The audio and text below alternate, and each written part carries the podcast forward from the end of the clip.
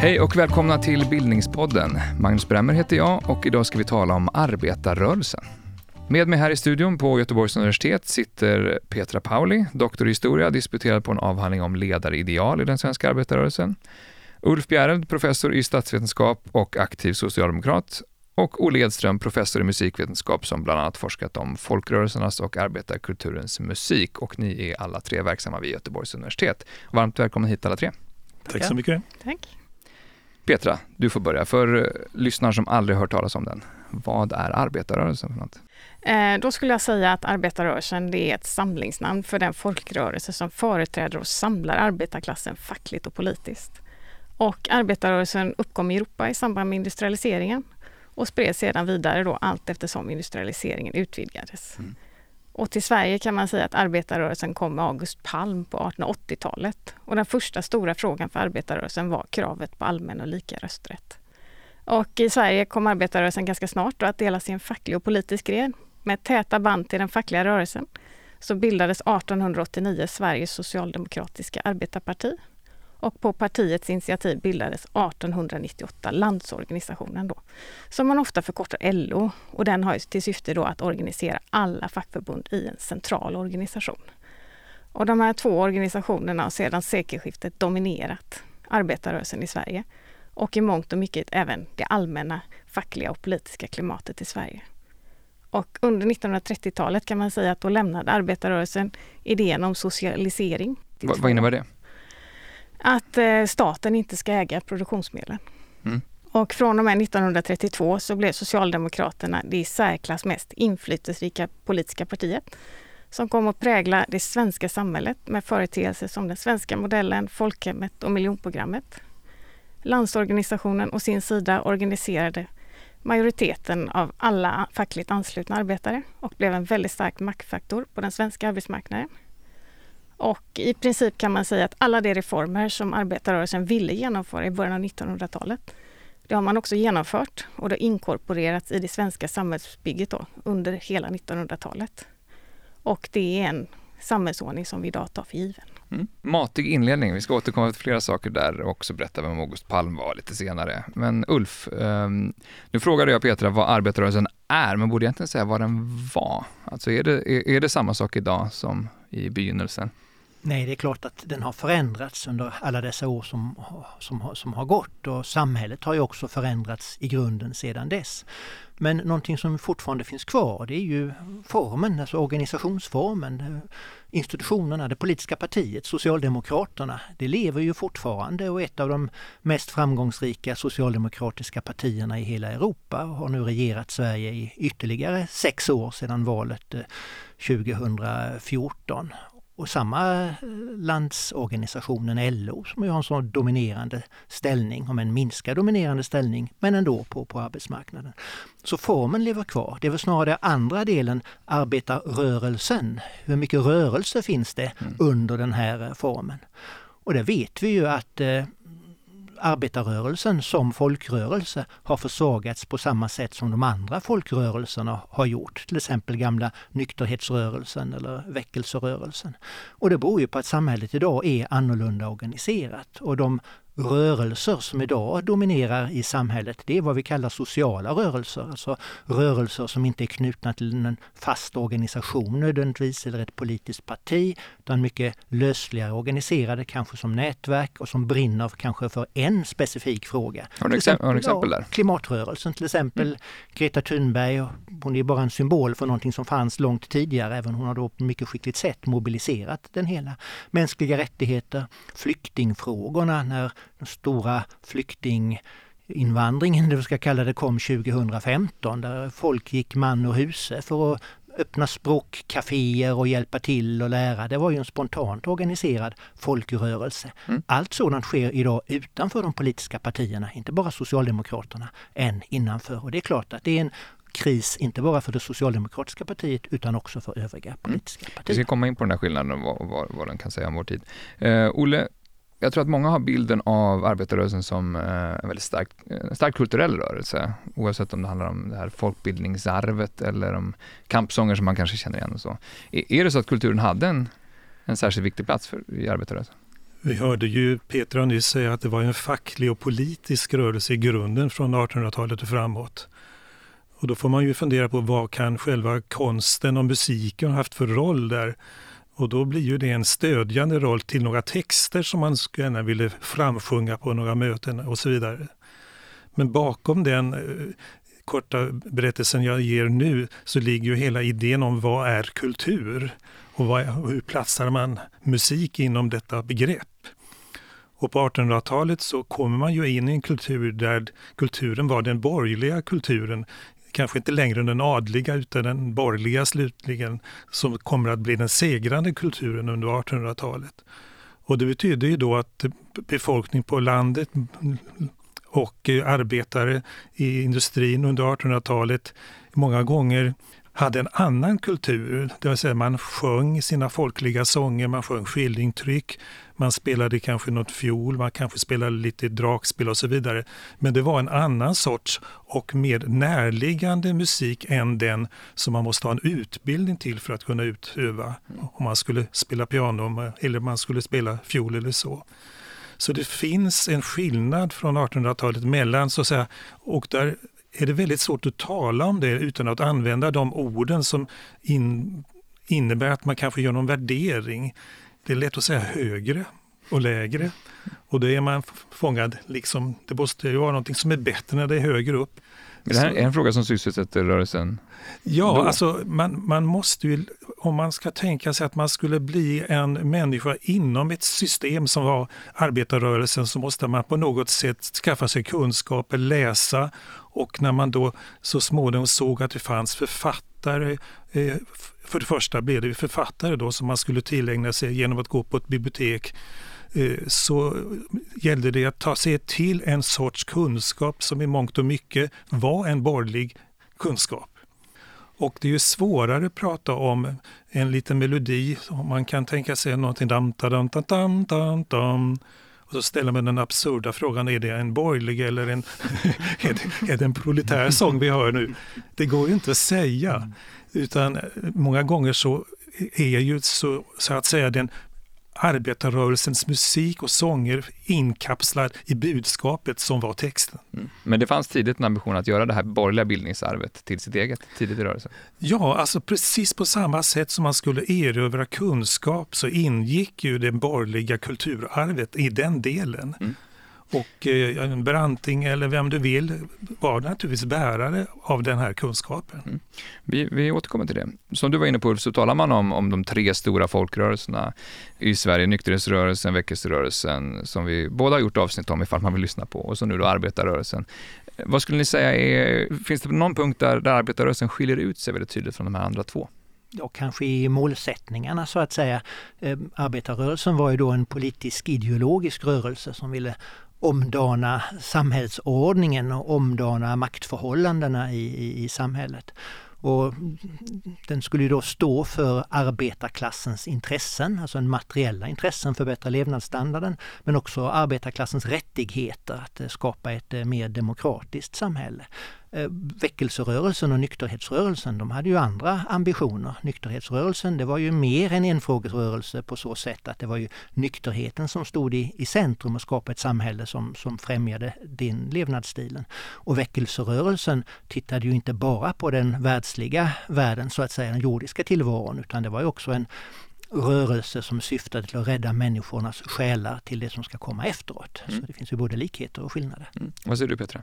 Alltså nykterhetsrörelsen och eh, väckelserörelsen är ju mer liksom lite mer, om man nu ska säga med en, dagens mått mätt, enfrågerörelse mm. kanske så, medan ar i arbetarrörelsen finns det någon slags helhetssyn på människans plats i systemet och hur man ska förändra systemet. Och jag tänker också att eh, det som skiljer ut arbetarrörelsen är väl att den inriktar sig på hela livet från vaggan till graven, från Unga Örnar till Fonus. Mm. Unga Örnar och Fonus, det, det, är just två sådana rörelser, en begravningsfirma i stort sett och ja, en, ja. en ungdomsorganisation som, mm. som eh, är en del av rörelsen kan man säga. Man kan leva hela sitt liv i arbetarrörelsen. Mm. Man kan handla på Konsum och man kan resa med resor och man kan liksom helt leva i en värld av organisationer som är präglade av arbetarrörelsen.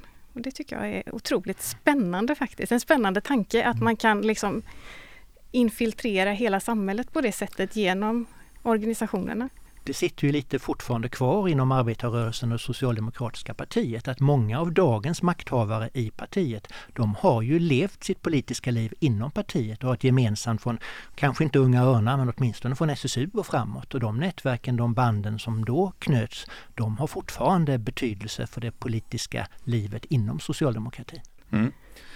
Ja, den stora skillnaden för mig som musikvetare det är väl helt enkelt att eh, nykterhetsrörelsen och olika former av frikyrkosamfund, för en del även Svenska kyrkan, statskyrkan på den tiden, det var ju det att den musik som man använde i kampsammanhang, så att säga, antingen den var till livet efter detta eller det var för att man skulle bli nykter eller att man skulle ha en, en socialistisk kamp var ju helt enkelt att de melodier man tog svarade för agitationen, sammanhangen. Men inom den socialdemokratiska rörelsen och socialistiska rörelser generellt så kommer ju så småningom kulturen bli en del av rörelsen som den inte någonsin har blivit för nykterhetsrörelsen eller för frikyrkliga sammanhang. Hur, hur då menar du? Ja, alltså man kan ju tänka sig att nykterhetsrörelsen sjunger sina sånger om, om, om meningen med att vara med i sammanhanget.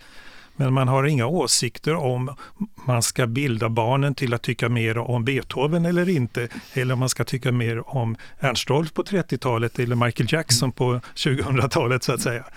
Så att det, det är liksom en enfrågerörelse ur den synvinkeln. Man har sitt syfte. Blir också musiken mer, mer eh, ideologiskt betydelsefull? Också? Ja, alltså det blir ju så från 1930-talet ganska tydligt att man långsamt inser att man måste ta ansvar för den så att säga, överbyggnaden i de marxistiska tankebanorna som man, man har ju på den tiden många gånger. att Vad, vad händer med överbyggnaden där kulturen finns? Mm. Hur relaterar den sig till basen på något sätt? Mm. Och så småningom blir det mer och mer uppenbart att man måste ta ansvar för den här kulturen. Och det är ju en väldigt spännande fråga att se hur det går med det framåt i tiden. Eh, ehm, I era svar här märker man ju hur eh, intimt kopplad arbetarrörelsen är med eh, den politiska socialdemokratin. Men kan ni bara liksom, i klartext förklara hur den där relationen ser ut? Är, är, liksom, är, är de helt synonyma? Eller, eller hur förhåller de sig till varandra? Alltså det har ju funnits, man har ju haft liksom tvångsanslutning mellan fackföreningsrörelsen och partiet till exempel, det vill säga att de fackliga medlemmarna skulle vara tvångsanslutna till partiet. Mm. Och det frångick man ju någon gång på 70-talet skulle jag tro. Va? Så att eh, det är ju en väldigt tydligt definierad rörelse och sen kan man säga att socialdemokratin, om man bara spinner vidare på tråden, att eh, både, eller hela arbetarrörelsen har alltid definierat sig väldigt tydligt var gränsen går till vänster till exempel. Alltså idag pratar vi om arbetarrörelsen och inkluderar även vänstern. Så har det ju egentligen inte varit. Vänstern har ju inte varit en del av arbetarrörelsen i, i liksom den traditionella svenska bemärkelsen att man pratar om den fackliga och den politiska rörelsen. Eh, redan vid partisplittringen 1917 så gick ju en höger och en vänsterfalang åt varsitt håll och vänsterfalangen utslöts ju ur partiet. Och sen kan man säga inom LO pågick en stenhård kommunistjakt på 50-talet. Bara en misstanke om vänsterrörare gjorde ju att man kunde bli utesluten ur fackförbundet och ur LO. Sen beror det också på hur man ser på organisationer som ligger vid sidan av mm. själva det socialdemokratiska partiet och eh, fackföreningsförbunden. Vi har ju till exempel eh, ABF, Arbetarnas bildningsförbund, som står för utbildning mm. och kultur. Vi har eh, vi har ju Palmecentrat som arbetar med eh, biståndsfrågor, så det är också många representanter från arbetarrörelsen som, som finns med. Och vi har också kooperationen med, med Konsumrörelsen och så vidare. Och jag tror, om man drar ett streck mot, som, som Petra var inne på, mot, mot med kommunisterna, så skulle jag tro att Vänsterpartiet idag ser sig själv som en del av arbetarrörelsen. Mm. mm.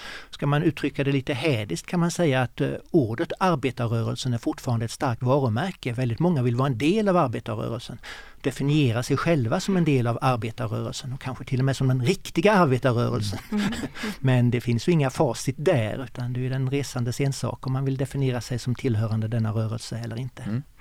Ja, och till det som Ulf säger så ska man absolut lägga Folkets hus-rörelsen och Folkets parkerna som från början av 1900-talet var ju en slags eh, ställe helt enkelt som ofta låg i utkanten av samhällena där man byggde en liten, ja, kanske en dansbana så småningom. Man hade lite små hus där man kunde äta någon liten enkel måltid och umge, umgås med vänner inom sin krets och inom, kanske inom partiet också. Och så småningom får man ju större ambitioner och bygger stora Folkets husanläggningar där man kan ha alla, möjliga sorters underhållning under sommarhalvåret och så småningom faktiskt också därför att man bygger in dem, man kan ha det året runt. Va? Och de var ofta många gånger kopplade både då till den lokala så säga, socialdemokratiska partiet och, och indirekt många gånger genom fackföreningsrörelsen som stöttade med pengar och arbetskraft där. Man ställde alltså helt enkelt upp själva och byggde det här. Mm. Men när man, eh, bara här förstår man ju spännvidden i att vi har ett, ett, ett styrande politiskt parti och, och, en massa organisationer, alltifrån ungdomsorganisationer till begravningsbyråer till Folkets hus och parker. Är det nästan underdrift att tala om en, en rörelse? Det är en här en ofantlig entitet i samhället. Det är väl en samhällsrörelse av något egentligen. Som inkorporerar hela samhället, tänker jag. Alla delar. För alla delar av livet. Mm. Så är det och många av de här uttrycken som Unga Örnar och Fonus och Folkets hus finns ju fortfarande kvar men har ju inte alls en lika dominerande ställning i, i samhällslivet som de hade tidigare. Mm. Fast ett undantag finns ju om man tittar på eh, SAP och arbetarrörelsen i Sverige så man tog aldrig över några industrier i sig och sålde produkterna genom något slags kollektivt eller kooperatistiskt system.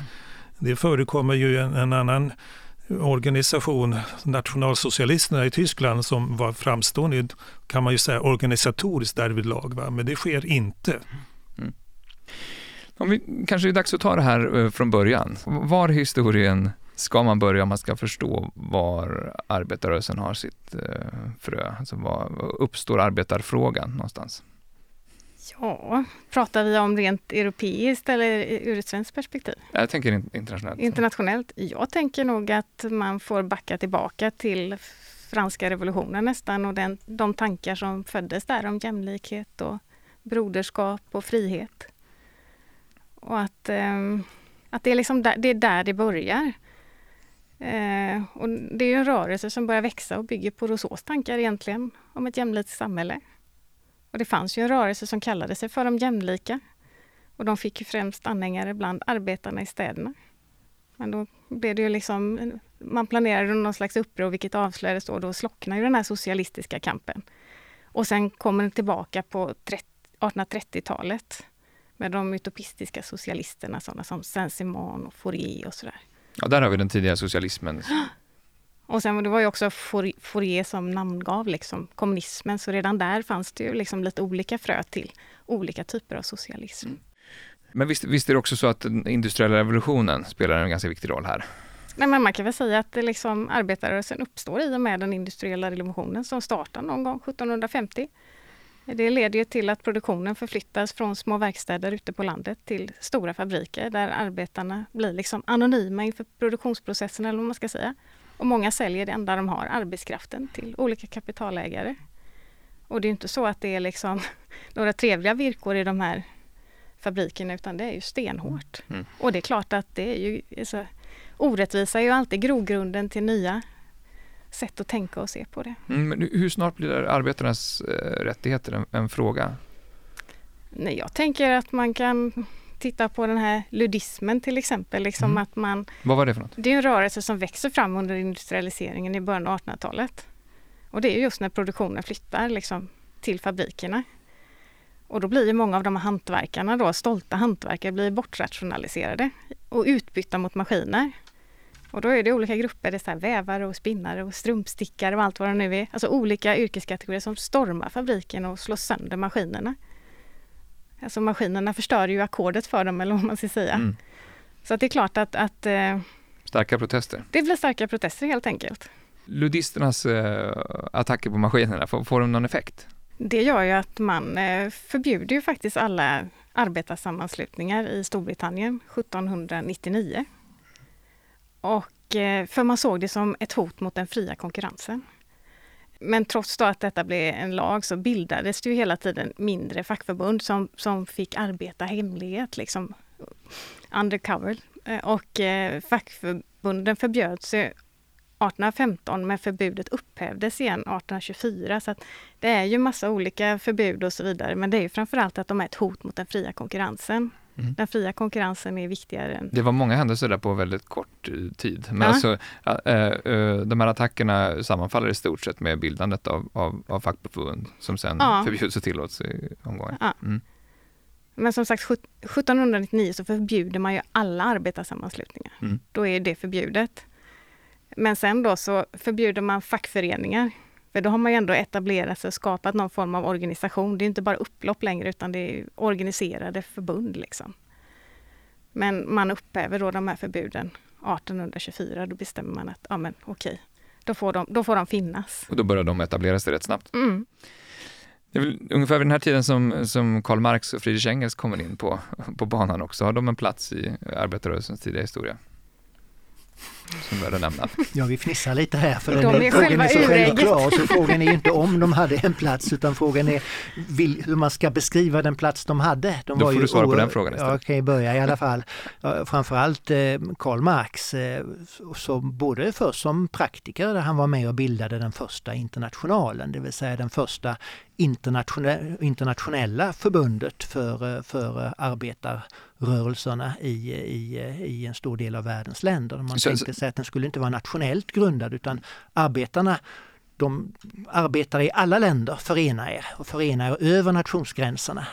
Så det här är en milstolpe i, i, i arbetarrörelsens organisering? Ja, det är det absolut. Mm. Men de stora insatsen som Karl Marx gjorde var kanske inte hans insatser i bildandet av första internationalen, även om den också var viktig, utan det är ju hans teoretiska ramverk som både vad det gäller politisk ekonomi och eh, historieskrivningen så att säga eh, lade grunden för den eh, socialistiska ideologi som sen kom att prägla arbetarrörelsen i så många länder under så lång tid och faktiskt fortsätter att göra mm. även idag. Det finns ju flera internationaler. Man talar om den första, den andra, till och med den tredje väl? Eh, varför är de flera? Den första internationalen den, den, den blev kortvarig, den sprack på grund av interna motsättningar främst mellan kanske traditionella socialister och eh, anarkister som eh, ville, eh, hade en annan syn på, på hur en rättvis värld skulle, skulle se ut.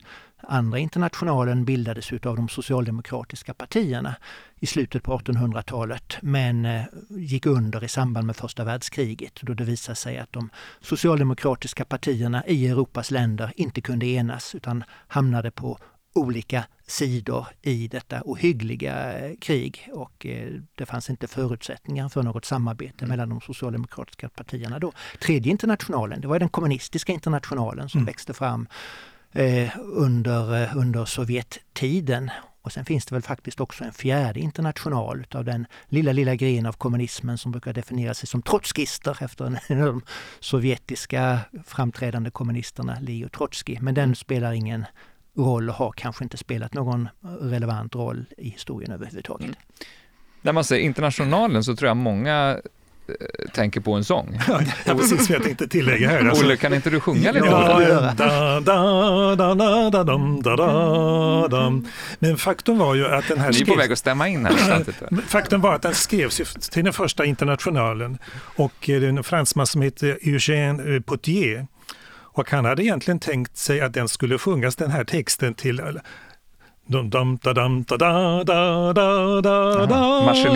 till Marseljäsen. Ja.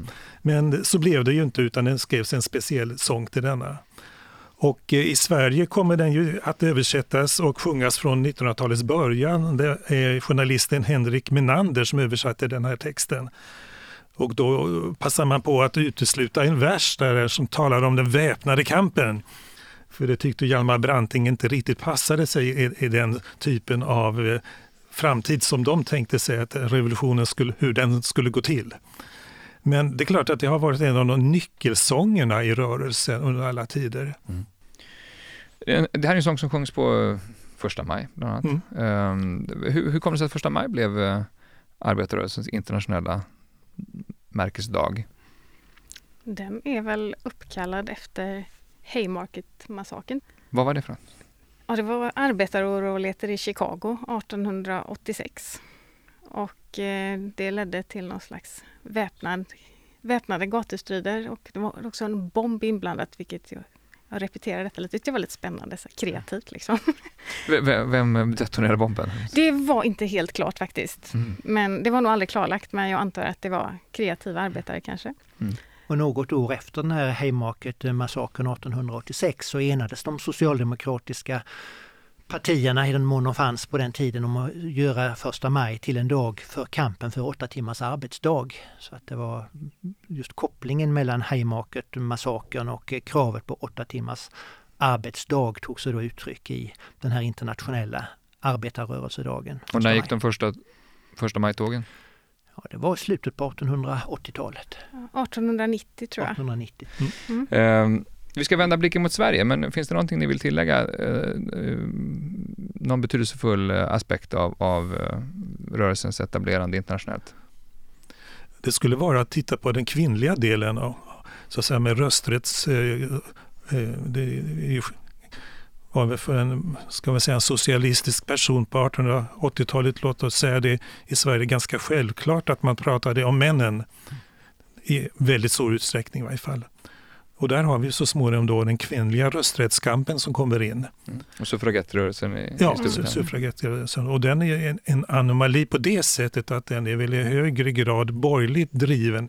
Men, men eh, man gör inte gemensam sak i rösträttsfrågan?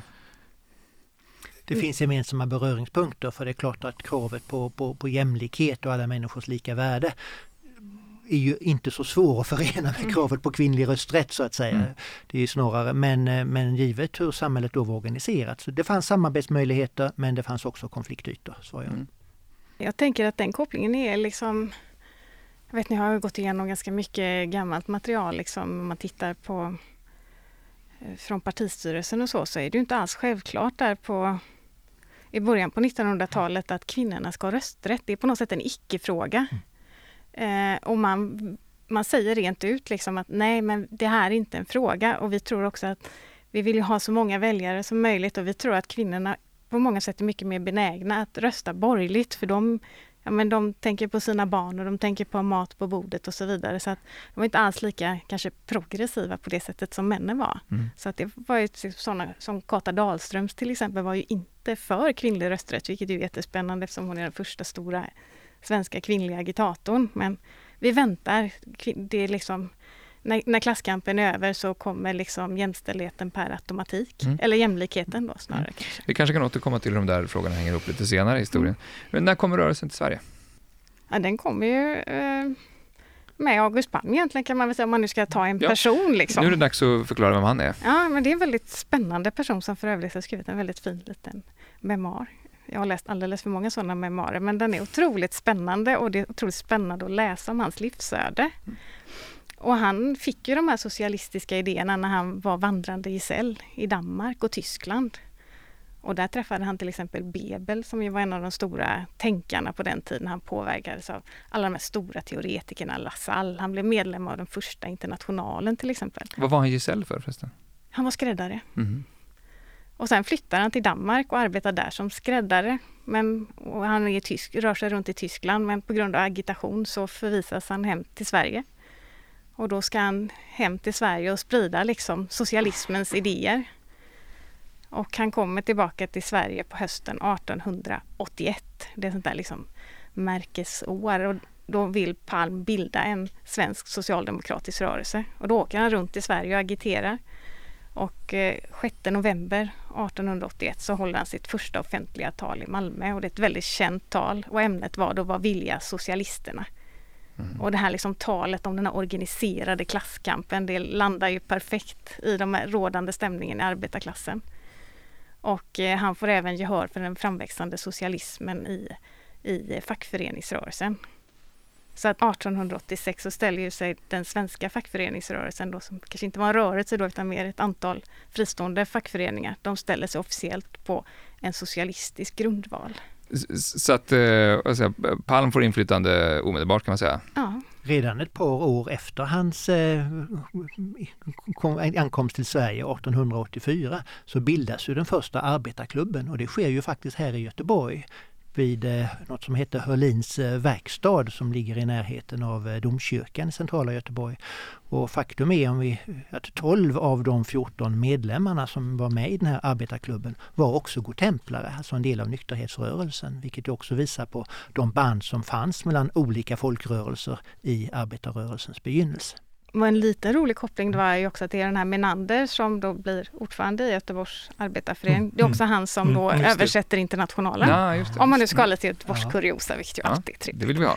Eh, men är, det så att den, att den, eh, den starka ställningen eh, som arbetarrörelsen har i Göteborg börjar redan här eller finns det ja, andra aspekter? Göteborg var ju en tidig arbetarstad och det finns ett klart samband mellan arbetarrörelsens framväxt och styrka och var arbetarna fanns. Och Göteborg har ju genom sitt läge och industrierna varit en stark arbetarstad. Och det är ju först egentligen sista decenniet som Socialdemokraterna har tappat så mycket väljarstöd i Göteborg så att det inte längre är ett av södra Sveriges fästen för Socialdemokraterna som det var förr i tiden. Ja, jag gör en, en parallell till en bok som heter Den skötsamma arbetaren. Och där, som Ulf var inne på, närheten mellan vissa av de här rörelserna vi pratar om. Det här är en, bok av idéhistorikern Ronny Ambjörnsson. Ronny, Ronny Ambjörnsson, ja.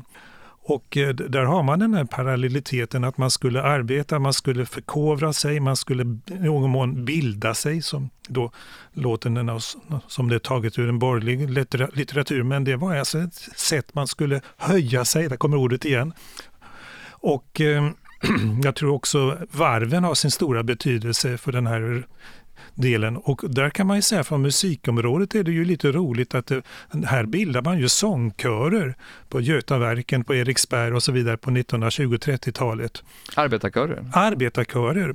Och jag har skrivit en, en, en, bok om Göteborg mellan världskrigen, alltså allting som har att göra med musik och kultur under den tiden. Och då kan man ju se att de sjöng en repertoar som faktiskt var precis likadan som akademiska kören sjöng. Man hade, som var mer eh, då Ja, alltså det kan man ju säga var, låter som en motsättning, men, då, men där finns några få belägg hittar jag där man sa att man var medveten om att texterna i en del av de här sångerna var borgerliga, men vi sjunger dem ändå pojkar.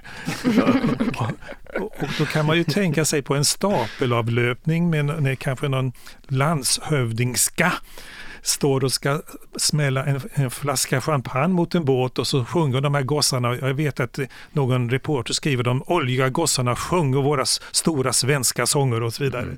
Mm. Så det, det, finns motsättningar så att säga, kulturella och politiska inom en sån här del faktiskt. När man, när man tittar på, på etableringen av, av arbetarrörelsen i Sverige, finns det något som sticker ut ur det här internationella perspektivet som vi var inne på tidigare? Men jag tror, jag tror fortfarande det här liksom att det är det här massiva genomsyrandet av hela samhället och det har, bygger ju delvis på hela den här bildningstanken och att man ska lyfta arbetarklassen. Man ska stiga mot ljuset säger man ju liksom. Mm. Jag tror väl kanske att en viss betydelse har det att Sverige är ett Eh, homogent land ur den synvinkeln. Vi var ju i Chicago alldeles nyligen och Chicago är i och för sig kanske Sveriges andra största stad just då. Va? Men där har man ju en befolkningsfördelning som är annorlunda som måste ha betydelse oberoende av storlek på länder. Eh, Sverige var på något sätt ett homogent land. Och därför blev det också lättare att organisera arbetar, arbetarna i ett politiskt parti. Man talar ibland om att det fanns man talar ibland om vänster-höger-dimensionen i, i svensk politik där vänster då står för arbete och höger står för kapital så att säga, i samband med den industriella revolutionen. Och att denna vänster-höger-dimension den präglade svensk politik väldigt starkt under hela 1900-talet och gör fortfarande idag, men inte lika starkt. Och då fanns det vad man ibland säger med en statsvetenskaplig term, få konkurrerande konfliktlinjer. Det var mm. vänster och höger som strukturerade egentligen alla stora politiska frågor under de här åren. Mm. I andra länder var det annorlunda. Det kunde vara konflikter mellan stad och land som i, i Danmark eller mellan vad man kallade centrum och periferi. Centrum Oslo, periferi andra delar av Norge. eller kyrka-stat som i Frankrike så organiserade sig då politiska partier på de här olika konfliktlinjerna. I Sverige var vänster och högerkonflikten så stark så att det blev inga andra partier väldigt länge på någon annan konfliktlinje. Och det bidrog till att socialdemokratin kunde få en så dominerande ställning i Sverige även ur ett internationellt perspektiv. Så den, den, den, homogenitet, den, den, homogena tendens som ni ser, det, det är i stort sett samma som präglar då det svenska folkhemmet och välfärdsstaten? Ja, och homogenitet mm. om, om man ser till en religion, en stor näring och eh, den typen av, av eh, faktorer. Så att eh, mm. det är inte bara någon nationell homogenitet utan även en, en social och ekonomisk. Mm. Jag skulle nog också vilja lägga till kontinuitet. Vi ska ju faktiskt inte glömma att socialdemokratin satt 44 år vid makten. Mm. Alltså från 1938 till 1976 det är väldigt, väldigt lång tid. Alltså man hinner verkligen att, att göra mycket. Alltså man pratar ju ofta om en socialdemokratisk hegemoni. Mm. Och den har man ju på många sätt behållit. Alltså socialdemokratin är fortfarande ett stort parti. Man kan säga deras dominans här. Ja, mm. och, och man, man, de behåller ju sitt inflytande fortfarande på 2000-talet. Mm. Så att jag tror att den här kontinuiteten är verkligen otroligt viktig. Alltså om man tänker liksom praktisk politik, hur mycket hinner man inte att genomföra på 44 år om vi jämför när man liksom mm. byter regering fram och tillbaka så blir det en kontinuitet. Och eh, jag skulle vilja lägga till att det här kanske börjar redan på 1850-talet, skråväsendets upphörande, eh, eh, riksdagens ombildning, alltså man har ett tvåkammarsystem. Och man har en del reformer i Sverige som sker under den här perioden framåt som bildar en slags gynnsam bakgrund för en ny form, att, en ny form av svenskt samhälle som kommer att ske inom, in, i, i, tack vare de socialdemokratiska rörelserna. Och den finns inte på likadant sätt i många andra europeiska länder och den bildade liksom en trygghet, men man hade en förmåga trots allt att ha en, man litade på folk, eh, hade en större förtröstan på det jordiska livet kanske mm. på detta sätt. Och det var ingen som kunde i förväg se att de här reformerna bäddade för någonting senare i vår kultur. Om man ser till musiken och kulturen då, Olle, alltså den här, eh, du talat om bildningsidealet, att stiga mot ljuset, stiga högre, eh, borgerliga ideal. Alltså det måste, det, kulturen förändras ju radikalt, särskilt om vi börjar blicka framåt 50, framförallt 60-talet. Um, ehm, eh, påverkar det där kulturens ställning, eller litteraturen, konsten, musiken i, i arbetarrörelsen? Eller vänstern brett kanske man ska säga man kan väl säga att det är två saker som sker under 1900-talet och det är att länge så har ju eh, tankarna på att man ska höja sig och ta till sig den borgerliga kulturen varit naturliga. Men så kommer andra möjligheter på 1920-talet och det är faktiskt något så banalt som vi inte tänker på. Man kunde nämligen gå och köpa en skiva. Och så kommer radion 1925 och då öppnas möjligheterna för människor att de kan, så att säga, utan att behöva studera piano i flera år, kunna spela musik eller något annat instrument, att man kunde musicera genom att lägga på de här skivan. Och eh, smaken hade man ju liksom klart för sig, den föd, föddes man ju in i genom, beroende på vad man råkade födas in i för socialt sammanhang. Men det möjliggjorde att eh, populärmusik, massmedia-revolutionen, vad man alltid kallar det för, gjorde att folk köpte så att säga fel skivor, skulle kanske en, en borgerlig människa säga det. De köpte inte det man borde. Det fanns väl en debatt i Sverige om Nick Carter-kulturen ja, på 1950-talet tror jag det var. Alltså, Smutslitteraturen. Billiga kioskdeckare. Ja, ja, ja. Men hur går, är det så att är det så att, eh, vi tänker direkt på musikens funktion då, försvagas den i takt med att den här populärkulturen får ett genomslag? Inom arbetarrörelsen? Ja, det kan man gott säga på det sättet som Ulf säger att smutslitteraturen, den kunde man slå ner på för det var väldigt lätt att säga, titta där, ser du vad de skriver där? Men jag menar en slager på 1920-talet, vad var det som var skadligt med den? Mm. Man kunde liksom inte säga att det var smutsslager utan man, man tog den här musiken, men det fanns ett slags bildningsideal som är tydligt om man tittar titta på vad Radiotjänst har att göra när man börjar 1925. Man skulle alltså inte egentligen bara spela den musik som i någon mån man kunde tänka sig var kommersiellt gångbar, utan man skulle även där höja smaken. Mm. Och när vi kommer fram på 60 och 70-talet, progrörelse och sånt, Ja, det hade det- någon plats alls i... Ja, men då, då har vi ju passerat andra världskriget som är en vattendelare på många sätt. Va? Man skulle se till att uppfostra en ny människa som inte skulle tro på auktoriteter på samma sätt som man hade gjort tidigare. Man får en helt annan materiell möjlighet i Sverige som hade besparats mycket av de otroliga eh, bombningarna i Tyskland och industrin kunde komma igång, folk får mer pengar, ungdomen eh, hade fått en, kanske en friare uppfostran och det friare innebar att man hade större möjlighet att välja själv. Vilket då massmediaindustrin, säga musikindustrin gärna tillgodohöll. Mm. Och eh, sen har man ju följderna av andra världskrigets segermakter och det är väldigt mycket England och USA som då skapar en ny typ av längtan till, ja, de hade funnits under hela 1900-talet i och för sig. Va? Det, det, man ska inte glömma att det, det var lika populärt att utvandra 1910 så att säga som det var att köpa Elvis Presleys skivor 1950-talets slut. Va? Mm. Så det blir den här angloamerikanska dominansen. Mm. Och där fanns det ju i musikrörelsen på 60 och 70-talet också en skiljelinje hur man skulle se på influensen av den amerikanska musiken. Var rockmusik egentligen ett uttryck för en amerikansk kulturimperialism som man då skulle stå upp med en svensk nationellt baserad kultur på, en genuin kultur? Eller skulle man istället göra, ta, ta sig an det bästa av den amerikanska rockmusiken och sätta progressiva texter till den? Det det. var, det Mm. var stora frågor som stod på spel. Det är också många fler rörelser, många fler frågor eh, på agendan här på något sätt. Va? Om vi återvänder till kvinnorörelsen och, och de feministiska rörelserna. Eh, går det att säga någonting där om, om den relation vi pratade om tidigare? Är den starkare här? Gör man mer gemensam sak i vissa frågor?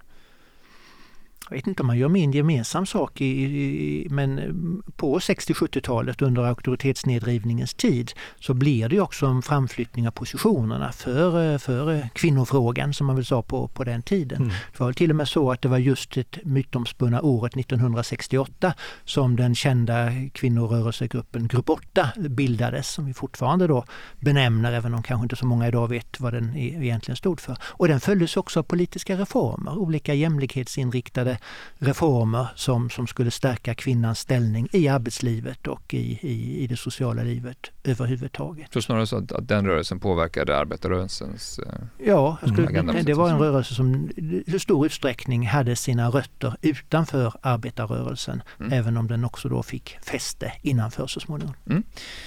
eh, Petra, du har, du har forskat om karriärvägar inom arbetarrörelsen. Det blir jag väldigt nyfiken på. Hur gjorde man karriär?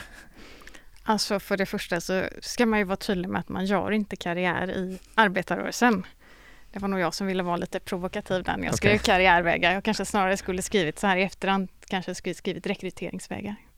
Okej, vad va, Eh. va, vad är skillnaden med det? Eh, alltså det handlar om arbetarrörelsens lo- rörelsens logik, att man använder inte rörelsen som en karriärstege, utan man kommer när rörelsen kallar. Och en karriär den bygger på olika komponenter. Det är idealitet, det är lojalitet, det är förtroende. Och man föreslår sig aldrig själv till ett uppdrag. Det är liksom big no-no, för då betraktas man som en karriärist. Och det är det fulaste man kan vara inom arbetarrörelsen. Då blir man en som skor sig på rörelsen för sin egen vinnings skull. Mm. Eh, och man väntar helt enkelt snällt på att rörelsen kallar. Sen tackar man ja, oavsett om man vill eller inte. Eftersom man då är utvald av rörelsen och när man är det, då ska man göra det som förväntas av en. Men varför vill du provocera då? Det måste ha funnits- det fanns en, en, någonting mer än bara provokation, tänker jag där. Alltså, ja, när, man, när man tittar på det så ser man ju också att det finns ett återkommande tema i memoarerna, att alla vill ju måla upp den här bilden av sig själva som den idealistiska ledaren. Jag har ju läst alldeles för många memoarer för att det ska vara hälsosamt när det kommer till arbetarrörelsen. Eh, så ser man ju att man målar upp den här bilden av sig själv, att man är liksom den här lojala partiarbetaren. Men man är ibland lite angelägen om att tala om vem som inte är det. Mhm. Till exempel Per Albin, där sägs ju öppet men han hade Per Albin Hansson? Per Albin Hansson. Han hade liksom naglar på armbågarna och sådär. Alltså han var otroligt karriärmedveten. Eh, så att eh, det var nog mer så att det var kanske lite kul ändå att säga att det här handlar ju faktiskt om karriärer. Det är ju ändå en form av, av karriärer. Finns det en, eh, om vi lägger ett genusperspektiv där, hur, hur var möjligheterna för, för, eh, för kvinnor att göra karriär eller att eh, stiga inom rörelsen? Ja, det var ju, det var ju ganska svårt. Eh, kanske fram till, ja, säg i alla fall 50-talet kom ju de första kvinnorna in på ministerposter och så vidare. Men det är svårt för kvinnorna i arbetarrörelsen och det är också svårt man kan tänka sig att många av de här första kvinnorna på 50-60-talet, de var ju också välutbildade borgerliga kvinnor. Och det kan man ju se som en röd tråd under hela 1900-talet, att även män med borgerlig bakgrund har väldigt svårt att hävda sig i arbetarrörelsen. Man vill inte ha dem i de ledande skikten för man ville helst ha de här eh, arbetarledarna. Alltså det handlar ju om en oro för rörelsens förborgerligande. Att den, alltså det skriver man ju om redan på 1910-talet, så skriver Michels om att arbetarrörelsen förborgerligas från två håll. Dels då genom de här borgerliga arbetarledarna som, som kommer in och förändrar rörelsen, men också att arbetarrörelseledarna då i takt med att de gör karriär också förborgerligas den vägen. Mm. Så att mm. arbetarrörelsen förborgerligades hela tiden från två håll. Att, men hur eh, går det ihop med den här ambitionen att höja och, och, och stiga och träda in i ljuset som ni har pratat om? Ja, det är väl där det liksom blir lite svårt. Alltså det finns ju en ambivalens i arbetarrörelsen hela tiden. Alltså man kan ta det här med utbildning. Ja, dels har man det här fina utbildningsidealet, eller bildningsidealet. Men samtidigt så finns det också ett ideal bland arbetare att man ska bli vid sin läst. Mm. Man ska inte göra sig märkvärdig. Han läs, sitter där och läser böcker. Det var liksom bara lite märkvärdigt. Utan han kan gå ut eh, på verkstadsgolvet precis som pappa. Så det, det, det, är väldigt, det är väldigt ambivalent. Mm. Liksom. Det finns liksom både och, både en strävan uppåt och en strävan att vara kvar. Mm. Och till och med Marx talar väl om att, att, att, att målet var ändå att de, de, flesta skulle få leva det goda borgerliga livet någonstans. Mm. Lägga till ja, jag, ja, jag kunde lägga till där att det finns faktiskt samma problematik inom borgerligheten när det gäller om man, hur vi ska uppfostra våra barn. Ska vi uppfostra dem till att bli musiker? Nej. Ska vi uppfostra dem till att bli skådespelare? Tveksamt. Det vill säga man, man, kunde omhulda och eh, vara kulturellt bildad och tycka väldigt mycket om konst och lyssna på musik. Men man var tveksam till om barnen som man uppfostrade skulle bli musiker och så vidare. Mm. Det finns en, en, en konflikt som har att göra med liksom, eh, historien man kan gå tillbaka till faktiskt till gamla Västgötalagarna och sådär de talar om lekare, alltså en, liksom en underhållare spelmän. De, de var inte värda mycket mm. på den tiden. Är det ett svenskt fenomen eller har det varit likadant i, i ett europeiskt perspektiv? Ja, det är faktiskt ett antropologiskt fenomen kan man säga det att man eh, man kan bara ta hur man talar. Eh, jobbar du med musik säger man inte lätt vad, vad spelar du? Mm. Man arbetar helt, helt enkelt inte. Man spelar och har trevligt. Och det fick ju musikerna lära sig när någon ville ha betalt. Ja, men du tycker det är så kul att spela. men vad säger du Ulf om, eh, om, om de här idealen i arbetarrörelsen och för risken för förborgerligande? Jo, men eh, jag känner eh, mycket väl igen det som Petra här beskriver, att den här, den här kluvenheten i detta. Jag tror också att det finns en insikt om det i arbetarrörelsen. Men det har också hela tiden funnits en stor tveksamhet hur man ska förhålla sig till den. Och om vi tittar lite mer i, i jämför då och nu så tror jag att socialdemokratin i Sverige har idag en betydligt svagare förankring inom akademin och inom kulturlivet än vad man hade på 40 och 50 och 60-talet. Det, det det återspeglar dels eh, arbetarrörelsens försvagning överhuvudtaget men kanske också är det tecken på den osäkerhet man känner från Socialdemokraternas sida hur man ska förhålla sig till någonting som ligger där utanför det man inte riktigt kan kontrollera och kanske heller inte riktigt mm. Eh, förstå. Det är lätt att åberopa forskning när forskningen pekar i den riktning som man själv vill att samhället ska utvecklas i. Men om forskningen pekar på annat håll, ja då, då, då blundar man nog lite mm. hellre. Det är väl dags att, att uh, ta den frågan nu om arbetarrörelsen idag. Du, du, kallar den försvagad idag. Varför är den det? Det har i huvudsak med samhällsförändringen att göra. Arbetarrörelsen är ju ett barn av konflikten mellan arbete och kapital. Den konflikt som växer fram i samband med industrialiseringen eh, i slutet, senare delen av 1800-talet och eh, början på 1900-talet. Och idag håller ju industrisamhället på att fasas ut. Inte så att industrisamhället fortfarande inte, inte är viktigt för landets ekonomi, det är jätteviktigt. Men industrisamhällets logik styr inte längre vårt sätt att organisera samhället. Den här motsättningen mellan arbete och kapital, en del säger att den är försvagad, andra säger att den tar sig andra uttrycksformer än tidigare. I vilket fall så är den, eh, så är den förändrad. Och det starkaste uttrycket för den förändringen är att samhället idag är mycket mer individualiserat än vad samhället var tidigare. Mm. Då var det klassen, det var gruppen, det var kollektivet som stod i centrum. Idag är det den mänskliga det individen och individens rättigheter som, som står i fokus. Mm. Jag tror också att arbetarklassen är inte längre arbetarklass. Alltså man har ju gått från att vara kanske arbetarklass till löntagare, tänker jag.